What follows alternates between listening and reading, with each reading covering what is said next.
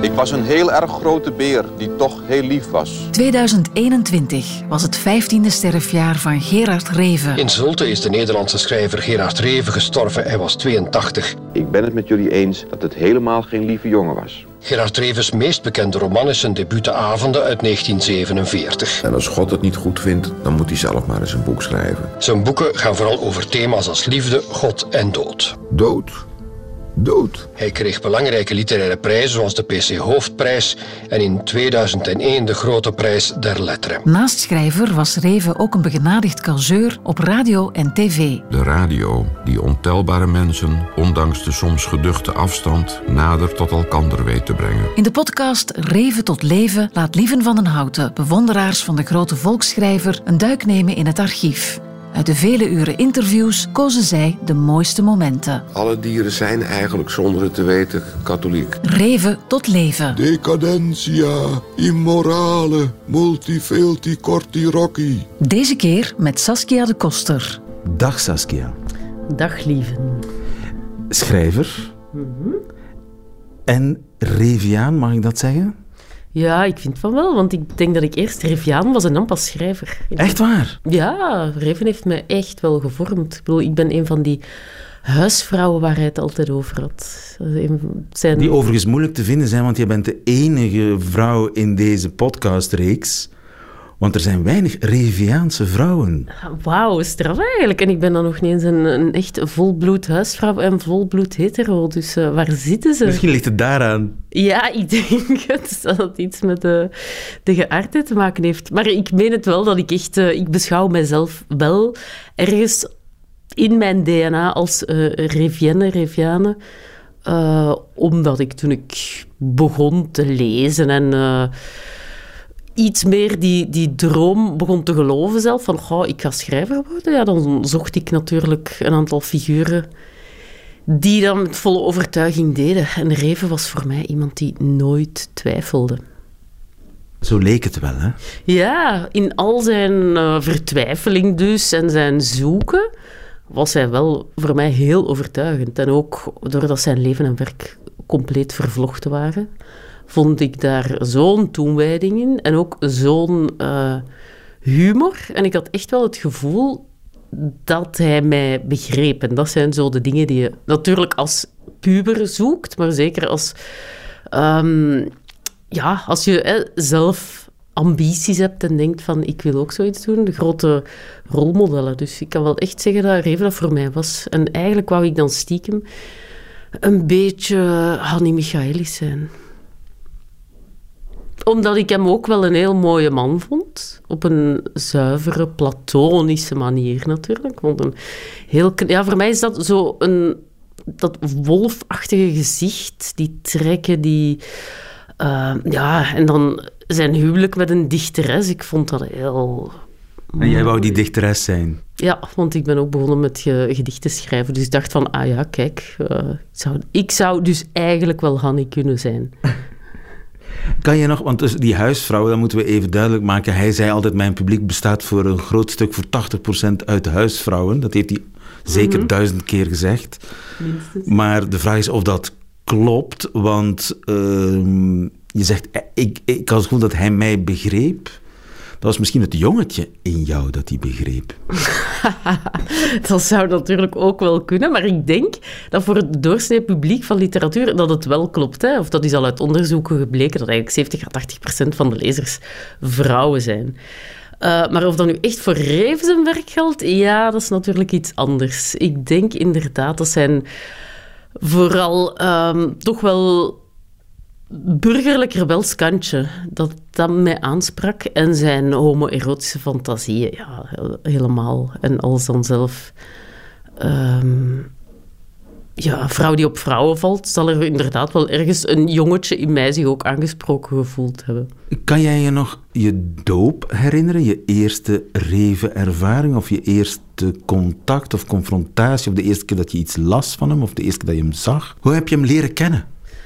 Uh, ik vermoed met een van zijn, ik denk Lieve Jongens of een van die werken uit, volgens mij, ja, een bibliotheek. Ik vermoed uh, waar ik woonde in een, een, dorp met een bibliotheek ter grootte van een kleine woonkamer, hè, waar je dan uh, denk ik zo het obligate werk van Reven ook wel had, omdat hij toen natuurlijk bij de, was bijna in de middeleeuwen, hè, zo de jaren 80, 90. Uh, en hoe oud was je toen? Een van de drie grote. Uh, ik denk echt zo rond mijn zestiende was ik echt in volle verering. Of dan ben ik echt alles ook systematisch beginnen lezen. Omdat ik dacht van... Um, zo brieven vind ik sowieso een heerlijke vorm. Die geeft ook heel veel vrijheid om te schrijven. En hij maakte daar volop gebruik van. En ik vond ook zijn aandacht voor gewoon banale details. Dus toch weer dat huisvrouwachtige van wat heb ik gegeten. En dat gaan opsommen en bijhouden. En um, boodschappenlijsten afdreunen van wat hij gekocht had en welke vis in uh, afslag was en zo. Um, vond ik ook heel nieuw eigenlijk. Dat gecombineerd met uh, totaal cerebrale uh, godsverering. Zou je kunnen zeggen dat hij jou aan het schrijven heeft gezet? Uh, verder geduwd. Schrijven, dat heb ik... Ja, daar was ik al mee bezig. Maar... Um, dat was voor mij Klaus, maar dat was zo het intellect en de internationale grote charmeur. En Reven, die was eigenlijk bijna tegenovergestelde, maar die voedde mij op een veel gedurfdere manier, denk ik. Dus um, ik heb hem wel proberen imiteren in, in een aantal schrijfsels en natuurlijk die ja, ik, ik, denk nu aan, aan bijvoorbeeld het boek van Violet en Dood. Daar zat ik dan heel erg naar uit te kijken. Want dat werd aangekondigd en aangekondigd en afgekondigd en weer aangekondigd. En um, zo het boek der boeken, hè, dat de Bijbel overbodig ging maken en zo. Uh, en toen het er uiteindelijk was, dan uh, ben ik natuurlijk onmiddellijk het gaan kopen. En was ik langs een kant teleurgesteld dat ik dacht van kijk, dit was zijn ultieme werk en hij had het dus eigenlijk niet mogen publiceren. Tegelijkertijd waren daar uh, fragmenten in die ik fantastisch vond. Um, ja, dat hij zit te zoeken naar een, een, een proper wit kaartje dat hij als condoleancekaartje kan gebruiken. En dat is dan in bladzijden en bladzijden en bladzijden in beslag. Um, ja, dat zijn dingen die mij echt enorm zijn bijgebleven. Of waarvan ik dacht van als je zo kan schrijven over niks eigenlijk, dan zit je bij de essentie. Wat is de vervelendste vraag die je als schrijver kunt krijgen? Um, hoe ziet de dag van een schrijver eruit? Waarom schrijf je? Waarom schrijf je, inderdaad? ja, er zijn er een aantal, maar inderdaad, die waarom. Uh... Waarom schrijf je? Die vraag heeft hij ooit gekregen. Um, tijdens een, een groot interview dat hij gegeven heeft in 1986 op de Nederlandse radio voor de omroep de Radio Volksuniversiteit, de RVU, ja, dat bestond toen. En Ben Kolster interviewt hem en vraagt hem: waarom schrijft u? En dan antwoordt hij dit. Men vraagt een schrijver heel vaak: waarom, waarvoor schrijft u nou precies? En dat is moeilijk om daar een antwoord op te geven. Maar uh, ik kan toch wel iets vertellen over de indruk die een reactie van een lezeres op mij maakte. Dat is misschien anderhalf, twee jaar geleden. Toen kreeg ik een brief. Ik krijg natuurlijk wel meer brieven. Een brief van een vrouw. Ik krijg veel brieven van vrouwen, omdat waarschijnlijk twee derde van mijn lezersbestand zijn vrouwen, huisvrouwen. En die vrouw, ik geloof dat ze zo omtrent de 50 jaar oud was, die was pas weduwe geworden. De man was ook ongeveer net zo oud geweest. En die was na een heel lang ziekbed gestorven. Het was niet meegevallen. En die man had waarschijnlijk gehad, ze specificeerde het niet... maar het zal de gevreesde ziekte geweest zijn, volksvijand nummer 1. En die man die had een heel zwaar sterfbed. Heel lang en heel zwaar. En die verloor alle belangstelling voor alles. Voor radio, voor televisie, voor kranten, voor boeken. Niets kon die man meer velen. Het was pure wanhoop. En dat is natuurlijk ook wel te begrijpen, want je staat er tenslotte alleen voor. Je bent er zogenaamd op voorbereid en je hebt er veel over gedacht. Maar het is anders als het zover is, natuurlijk. En nu was het merkwaardige, die vrouw schreef mij... het enige wat die man nog wel kon hebben... is dat zij hem uit mijn boeken voorlas. En als ze hem uit mijn boeken had voorgelezen... dan knapte die man als het ware een beetje op. En dan kon hij het, ja, tot op zekere hoogte, heel eventjes weer aan. Dan maakte hij zelfs een grapje. En dan kon hij ook weer een grapje velen. En dat schreef die vrouw me. Toen bekeken we die brief. Mijn vriend Matroos Vos en ik bekeken die brief. En we lazen hem en we lazen hem nog een keer. En we legden hem op ons hoofd om te testen op onze test. En we hielden hem tegen het licht. Maar er zat geen dubbele bodem in die brief. Er was waar wat in die brief stond. En toen dacht ik, als dat waar is... als iemand door niets en niemand meer getroost kan worden... niet, niet door de grote trooster, de Heilige Geest... niet door de grote troosteres, de Moeder van God... Ik bedoel, ik heb geen kritiek op die twee goddelijke instanties die nooit kunnen falen. Maar het kan wel best zo zijn dat iemand de toegang tot die instanties niet kan vinden. Als dan iemand wel door een boek van mij getroost zou kunnen worden... dan heb ik niets voor niets geschreven en dan heb ik niet voor niets geleefd. Wat zeg je daarvan? Het klinkt rijkelijk huigelachtig, maar het is godverdomme waar ook. Hè?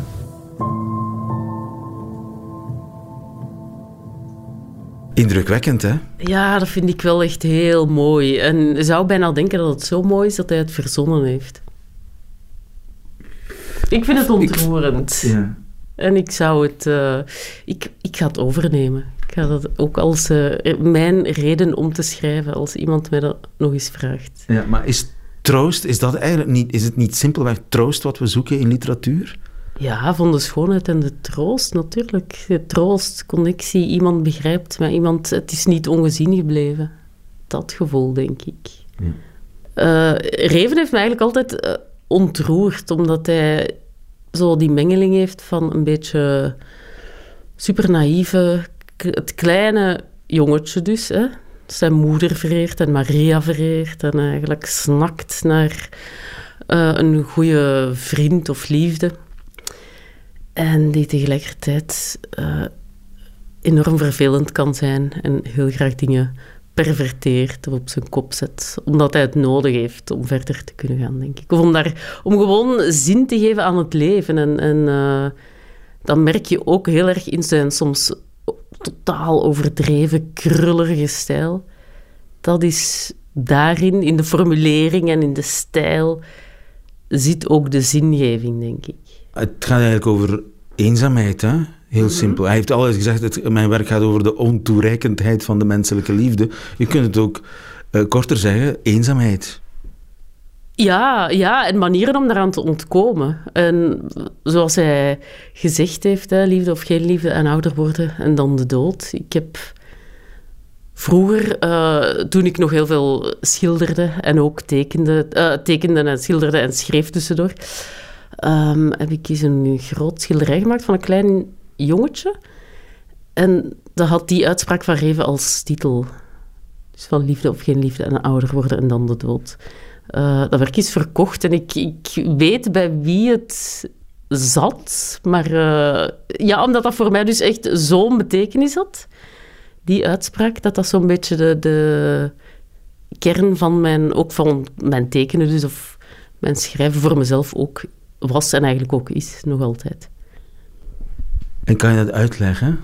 Omdat het zo essentieel is. Het is eigenlijk alles, alle thema's teruggebracht daartoe. Ja, waar begint het? Waar begint alle um, goh, ellende? Bij het liefde, of er geen genoeg hebben, nooit genoeg hebben. Uh, en ouder worden, ja, dat is gewoon de tijd die uh, neemt ons allemaal onverbiddelijk mee. En de zekerheid die er staat te wachten, toch bijna helemaal zeker, dat is de dood. Dat gedicht heet Scheppend Kunstenaar. Zullen we er even naar luisteren? Graag, ja. Naarmate ik ouder word, wordt wat ik schrijf, hoewel fraaier verwoord, steeds enkelvoudiger van inhoud. Liefde, of geen liefde en ouder worden en dan de dood.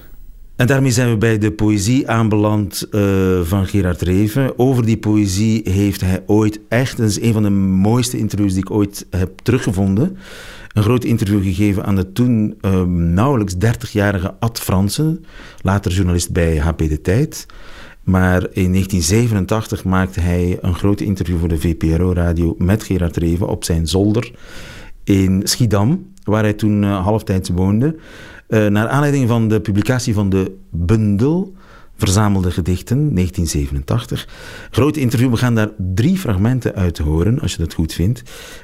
En dat is een heel mooi interview, omdat hij eigenlijk redelijk ontspannen is en improviserend vertelt. De meeste interviews zijn nogal gescript en voorbereid, maar hij laat zich uh, uh, gaan en met name over het verleden, over vroeger, vertelt hij eigenlijk heel erg weinig tijdens interviews. Hij schrijft er wel over, mm. maar hij praat er niet over. En uh, Ad Fransen weet hem te verleiden om toch iets te vertellen over zijn allereerste schrijfprikkels.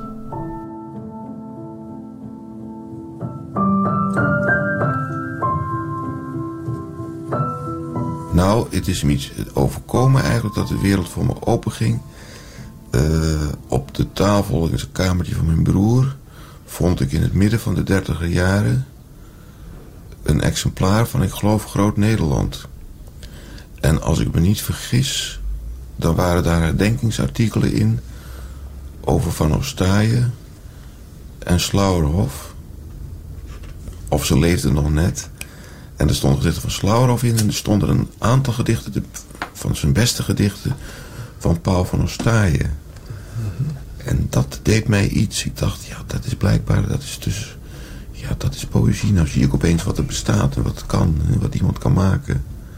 De zeggingskracht, de, de, de eenvoud, de, de ironie en het sarcasme en toch een esthetisch totaal overweldigende vorm. Ja. Het curieuze is, wij noemen Van Ostaaien een surrealistisch dichter. Maar het beste werk, het wat overleven zal, is heel erg klassiek. Gek genoeg. Hm. Dat heeft niets revolutionairs. U bedoelt, u bedoelt dan niet de zeg maar, typografische gedichten, maar nee, die latere die... Uh... Laten we zeggen uh, uh, Melopee en, en de, het Alpenjagerslied en ja, overweldigend. Of dat kleine gedichtje de chimpansee doet niet meer mee. Waarom doet de chimpansee niet mee? De chimpansee is ziek van de zee. Ja. Uh, er gaat zoveel water in de zee, zegt de chimpansee. Weet je wel? Ja, dat die is, toon, die toon. Ja, maar dat is alles in gezegd. Dat is mijn droom. In drie, vier regels iets te zeggen. Mhm. De hele zaak. Een lang gedicht is altijd een slecht gedicht. Bijna altijd. Mhm. Dus het, dat, dat is eigenlijk het moeilijkste van de poëzie dan. Uh, om ja, dat zou, ik, zou ik willen definiëren. Kijk, je neemt iemand, hij heeft wel talent. Hij kan bijvoorbeeld een verhaal schrijven. Hij heeft bijvoorbeeld oog voor menselijk drama en voor de bouw daarvan. Maar een groot taalgevoel heeft hij niet. Zeer middelmatig. Toch kan die man als proza-schrijver, als vertalingsschrijver een groot succes behalen. Ik geef altijd als klassiek voorbeeld de, de, Amerikaanse schrijver Theodore Dreiser met zijn American Tragedy. Dat is de taal van een bekwaam journalist. Maar er is geen enkele taalschoonheid of vindingrijkheid in de taal. Mhm. Maar als je dat boek begint te lezen, moet je het uitlezen. Ken je het? Mhm. Dat is machtig, een machtig boek. Hè? Maar met poëzie... Kijk, en als je dan zo'n boek componeert... moeizaam, je werkt eraan, je werkt er weer niet aan, je werkt het weer om... en er is een hoofdstuk niet dat je niet bevalt... maar als het als geheel goed is, dan blijft het toch staan een middelmatig hoofdstuk. Of een hoofdstuk dat een klein beetje in zijn visie en toon verschilt van de rest van de hoofdstukken. Dat torpedeert de roman nog niet. Maar één slechte regel, één slecht gekozen woord in een gedicht maakt het gedicht waardeloos. Ja, ja. Het is ja of nee, het is raak of niet. En als je spreekt van zoiets als inspiratie, je kunt een gedicht niet maken je kunt een verhaal maken. Je zegt, nou, ik heb dat en dat idee. Dat Structureel opzetten. En... Toen is dat me mhm. overkomen. Ik ga dat in schema zetten. Ik ga dat bouwen. En dan kan het meer of minder geslaagd zijn, of op zijn minst leesbaar zijn. Maar je kunt niet gaan zeggen, ik ga eens een gedicht schrijven. Waar ga ik dat over schrijven? Het komt Het dus... komt op. Het komt. En het is, moet meteen raak zijn meestal. Het valt je in. En je leert het al lopend op straat boodschappen doen uit je hoofd. En je komt thuis en je schrijft het op. En later blijkt dat je alleen maar twee regels van plaats moet verwisselen. Of dat die zogenaamd vindingrijke regel eruit moet. Wat je zo prachtig vindt, weet Ja. je wel. Maar dat het juist het versiersel Het is. schrappen is belangrijk. Ja. Ja.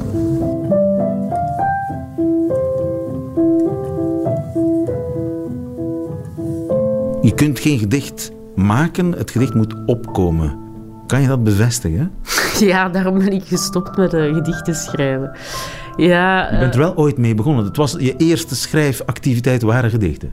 ja, zoals bij iedereen, denk ik. Hè, omdat dat, eh, dan, dan ben je pas echt, hè, met eh, veel witregels en veel inspiratie en zo. Dus ja, ik kan daar, me daar wel in vinden, hoor. Dat een, een gedicht, van zodra je daar echt aan begint te knoeien en te knutselen, ehm, dan wordt het een machine. Ja, en dan is het niet meer interessant eigenlijk. Of dan, eh, voor mij is ook de, de kracht van Reven zijn gedichten dat ze kort zijn. En dat, er één, dat het een soort van gebeden zijn eigenlijk. En hij zegt, het begon met Van Ostaaien. Hij zegt Van Ostaaien, zoals de Nederlanders. Dat is toch wel een verrassing, hè? Een Vlaams dichter die Absoluut. eigenlijk de eerste schrijfduw gegeven heeft aan Gerard Reven. Ja, dat vind ik heel, heel opmerkelijk en eigenlijk ook heel eh, goed. Maar als ik er dan verder over nadenk, kan ik het wel snappen. Bijvoorbeeld hè, de chimpansee die eh, water draagt naar de zee. Eh, ook iets totaal absurds eigenlijk, dat de oplossing is voor alles. En daarin zit ook weer die troost, denk ik. Omdat het weer heel eh, kinderlijk is en heel erg van taal gemaakt. Hè, van klanken die dan samen toch een bouwwerkje vormen. Dat iets kan, kan betekenen. Nu, eh, op zijn zestiende gaf hij, Gerard Reven, al in eigen beheer zijn eerste dichtbundel uit. Terugkeer, die is pas boven water gekomen in de jaren tachtig. Veel mensen geloofden niet dat dat echt bestond, maar dat bundeltje is toen eh, heruitgegeven, denk ik.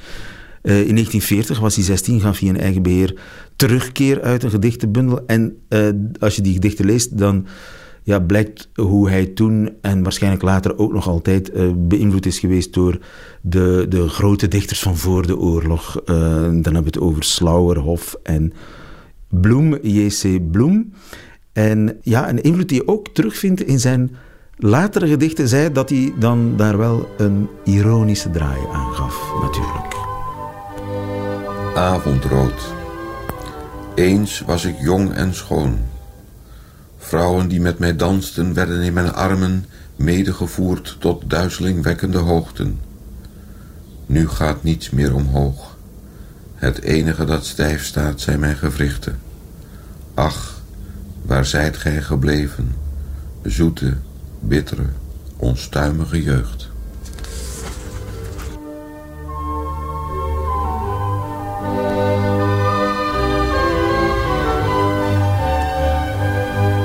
We zijn even blijven steken dan bij die eh, jeugdgedichten. Ik zei Slauerhoff bijvoorbeeld, omdat een gedicht als Terugkeer begint met breed waren de wateren der oceanen die mijn schip droegen over de einder heen. En het eindigt met ginds ligt mijn merenschip, ge kunt het zien hoe het de natte wimpels hangen laat.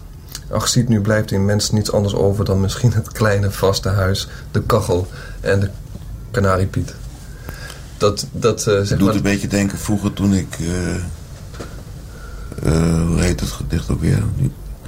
Op, eh, nergens vind ik vrede op aarde op zee. Het is een variant daarvan, ja. Ja.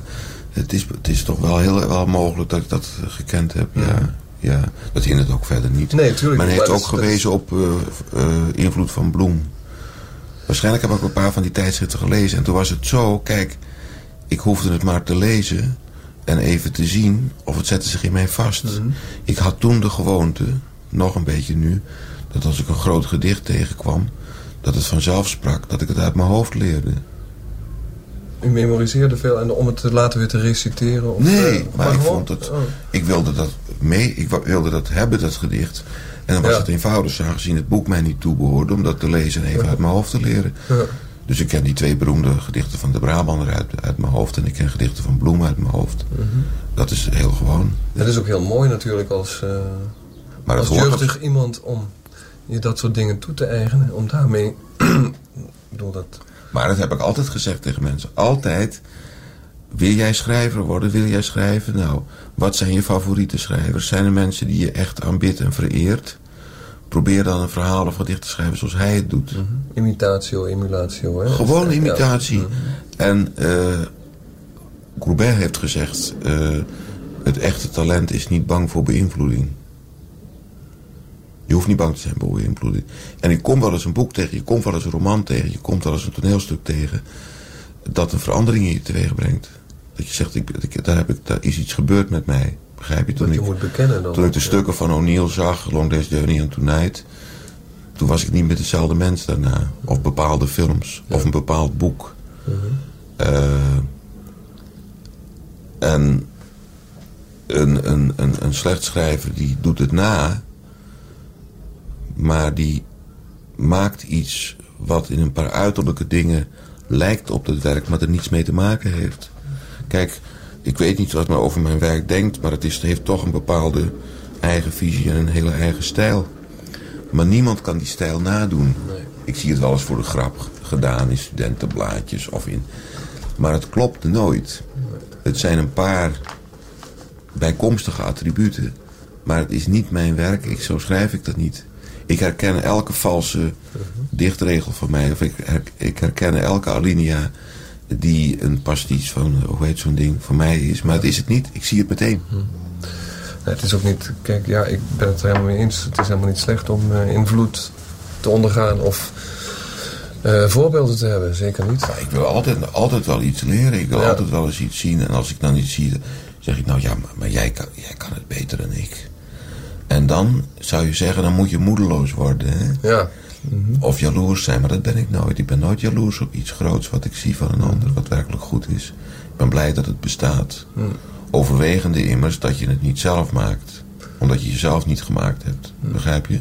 Dus u bent niet een van de schrijvers die na iets goeds gelezen te hebben... eh, zegt tegen zichzelf... nou, dat wat ik gemaakt heb of wat ik nog moet maken... dat is volstrekt overbodig. Dat wordt op... Ja, dat heb je ook wel. Maar dat je denkt, het is gebleken dat een, een mens, mensenkind, een sterfelik, dat kan. Ja, ja. En we mogen niet de hoop opgeven dat ik misschien ook eens iets van dat niveau schrijf. Je peurt er eerder moed uit, dus. Ja. Ik wel. Andere mensen geven af of iets wat goed is. Ja, En dat is tragisch. zeker. Gerard Reven in 1987 bij Ad Fransen voor de VPRO over zijn eh, schrijven en zijn poëzie en waarom hij en hoe hij is beginnen schrijven. Hij geeft eigenlijk een beetje schrijfles hier. Hij zegt, als je eh, wil leren schrijven, imiteer je favoriet. Dat is precies wat jij gedaan hebt. Ja, dat is echt waar. Gewoon schaamteloos stelen eigenlijk. En kopiëren en nadoen. En, en hoe ging dat?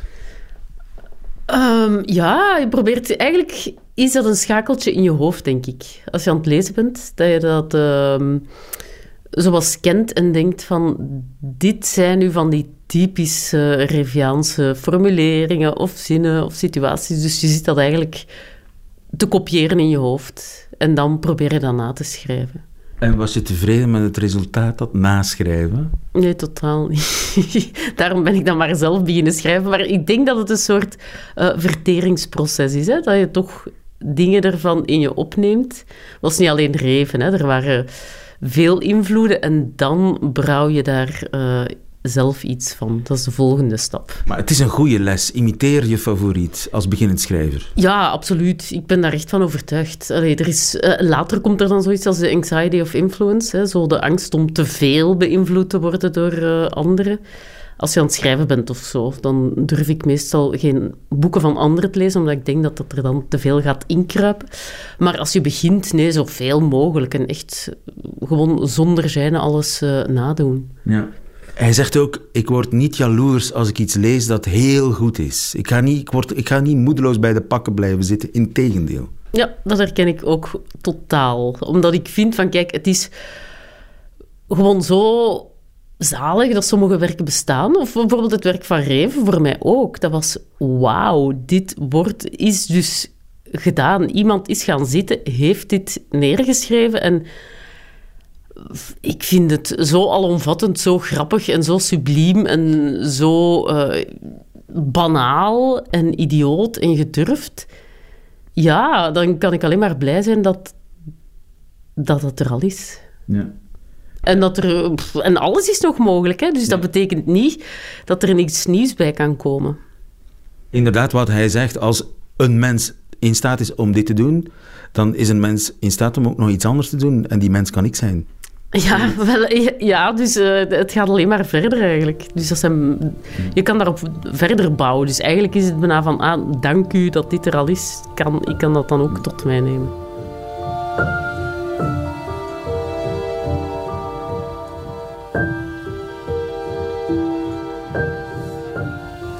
Weer terugkomend op de jeugdverse. Um, ik zou zeggen, er heerst bepaald niet een zeg maar, storm drang in die eerste verse. Eerder een heel bijna ja, al decadent melancholische toon. Ja, het is een, uh, een puur met enige met problemen, ja. Ja, ja, ja uh, het is altijd, u heeft wel eens een paar keer gezegd dat het vervelend is om toch weer op dat boek De Avonden terug te komen. Ik blijf het een mooi boek vinden. Uh, maar de wereld van Frits van Echters keert erin terug. De bioscoop bijvoorbeeld. Ja, ja. En, ja, het curieuze is en dat de school. eigenlijk mijn werk... Uh, ik, heb altijd, ik zeg altijd dat een schrijver van een bepaalde, bepaald niveau, van een bepaalde klasse... Een kunstenaar in het algemeen, die schrijft altijd over hetzelfde. is maar één thema. Iedereen heeft één thema. Hè? Uh, en dat komt altijd terug in de variatie op het motief. -hmm. Of in een zin dat je, ik ga het eens op die stijl doen. Het is wat meer sarcastisch, wat meer ironisch. Hè? Uh, het is wat meer clichématig bijvoorbeeld. Maar het thema wijzigt zich niet. U zei al, het, het getuigt niet van een uh, gelukkige jeugd. Uh, die gedichten. Nee, wie was het? Leslie Fiedler die zei... Unhappy childhood is a writer's gold mine. dat is godzijdank waar. Dat is het enige wat je... ja, ja.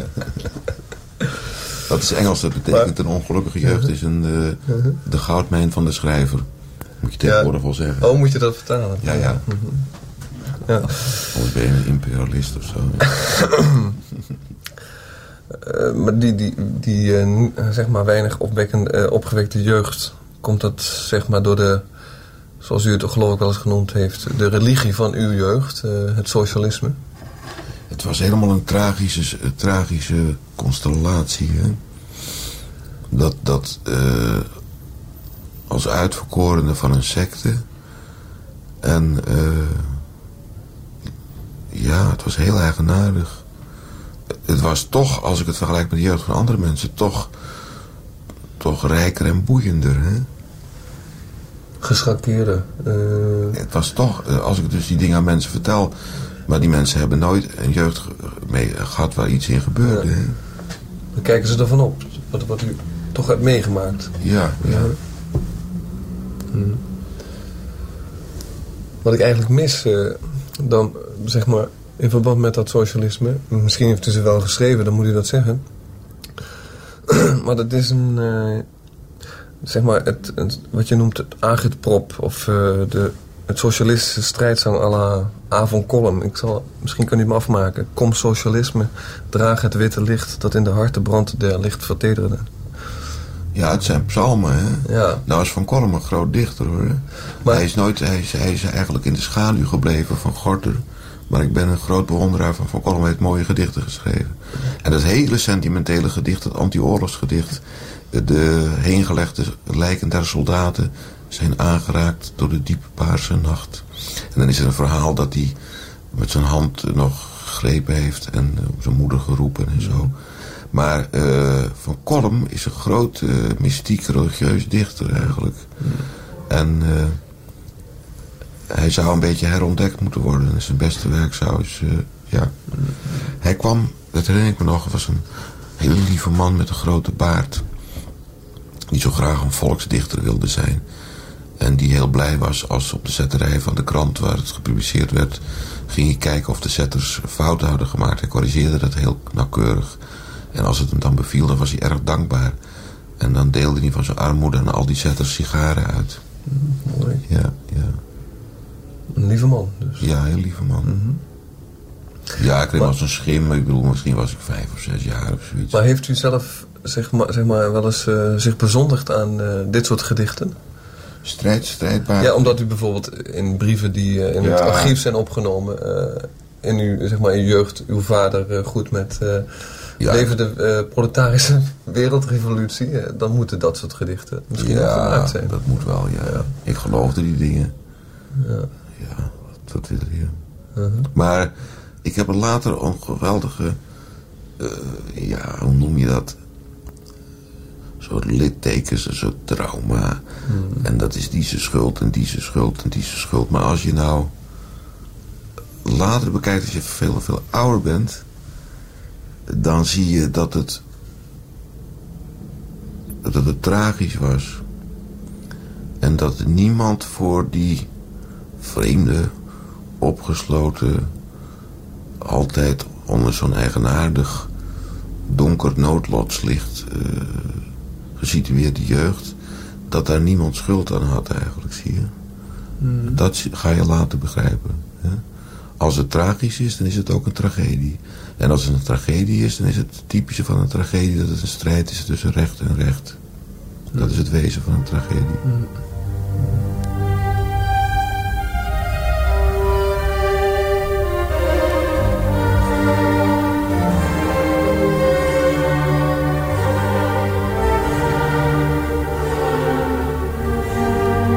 Een- Het wezen van een tragedie is dat het een strijd is tussen recht en recht. Ja, en dat is toch wel zo'n een ongelooflijke mildheid die daar aan de dag legt eigenlijk. Door zo te berusten. En eh, dat merk je wel vaker, denk ik, bij hem. Gewoon van, ja, oké, ik met mijn eigenlijk super dominante blik leg ook maar een soort van filter over de wereld. Of ik hoorde eigenlijk net nog een eh, interview met een totaal ander soortig schrijver, John Didion, Amerikaanse essayiste.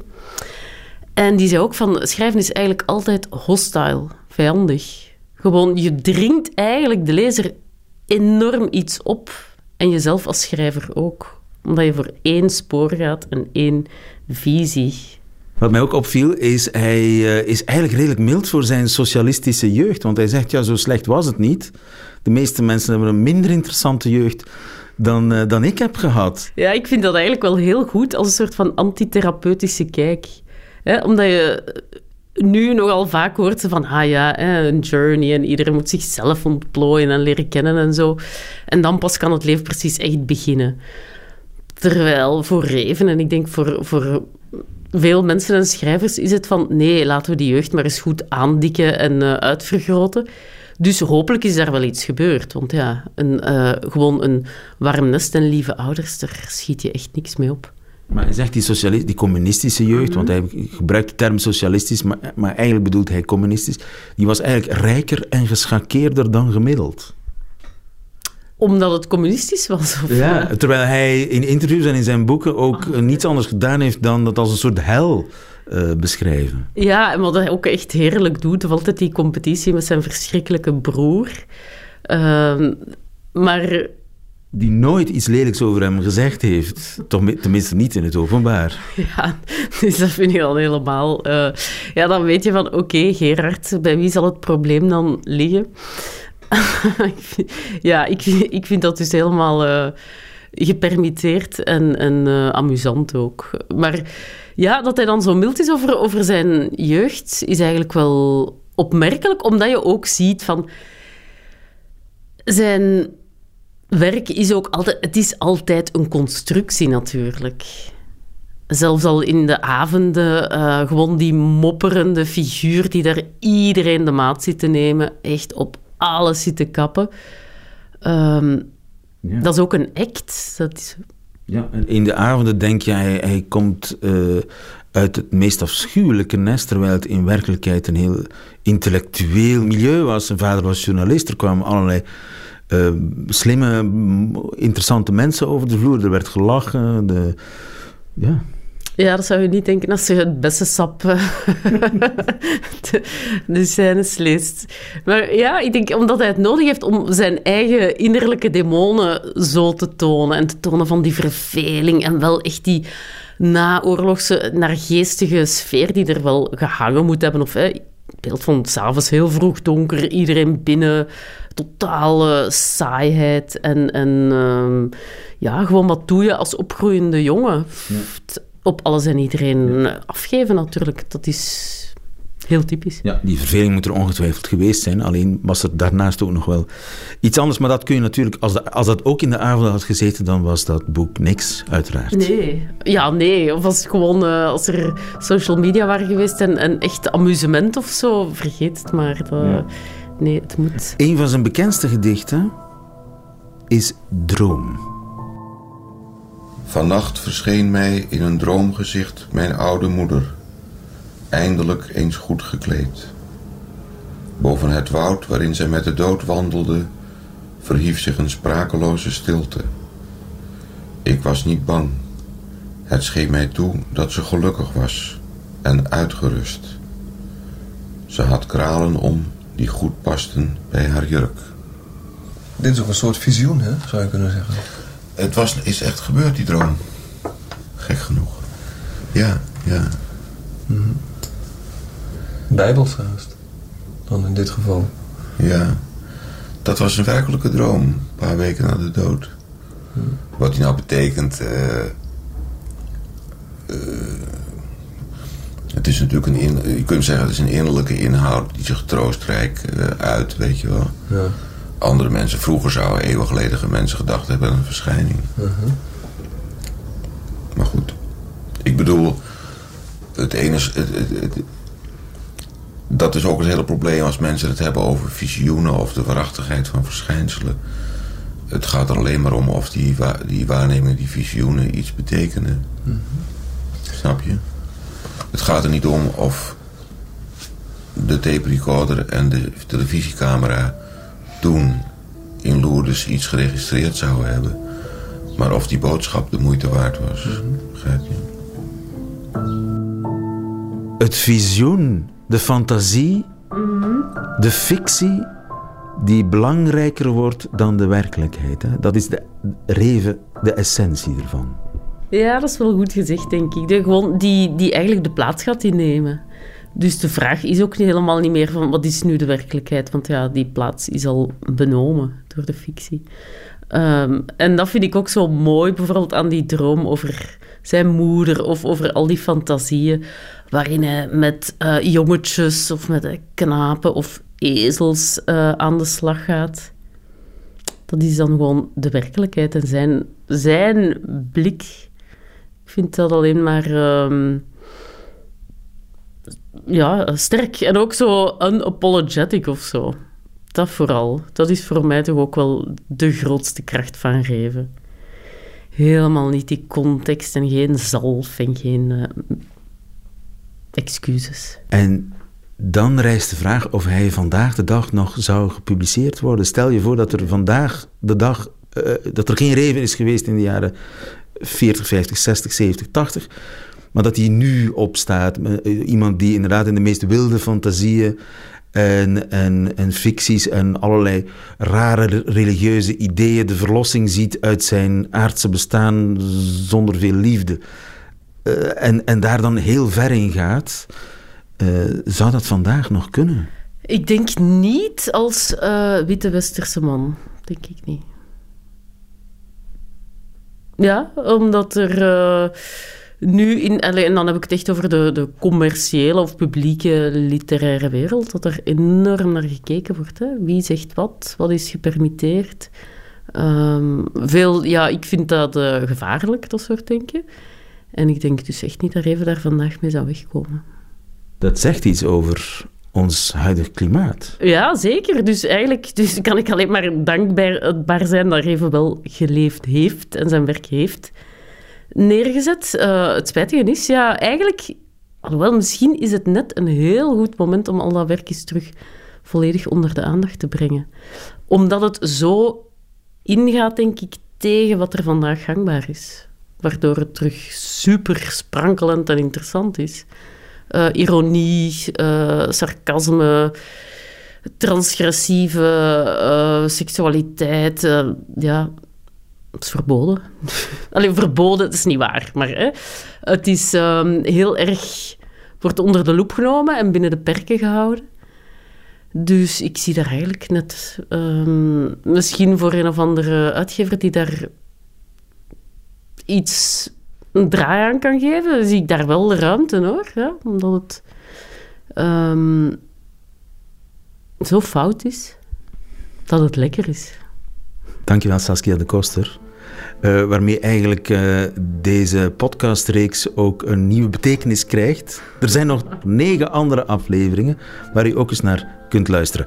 Dank aan alle omroepen, met name eh, voor deze aflevering zeker de VPRO, die ons hun archief hebben ter beschikking gesteld. Dank om te luisteren en tot in een van de andere afleveringen van Reven tot Leven.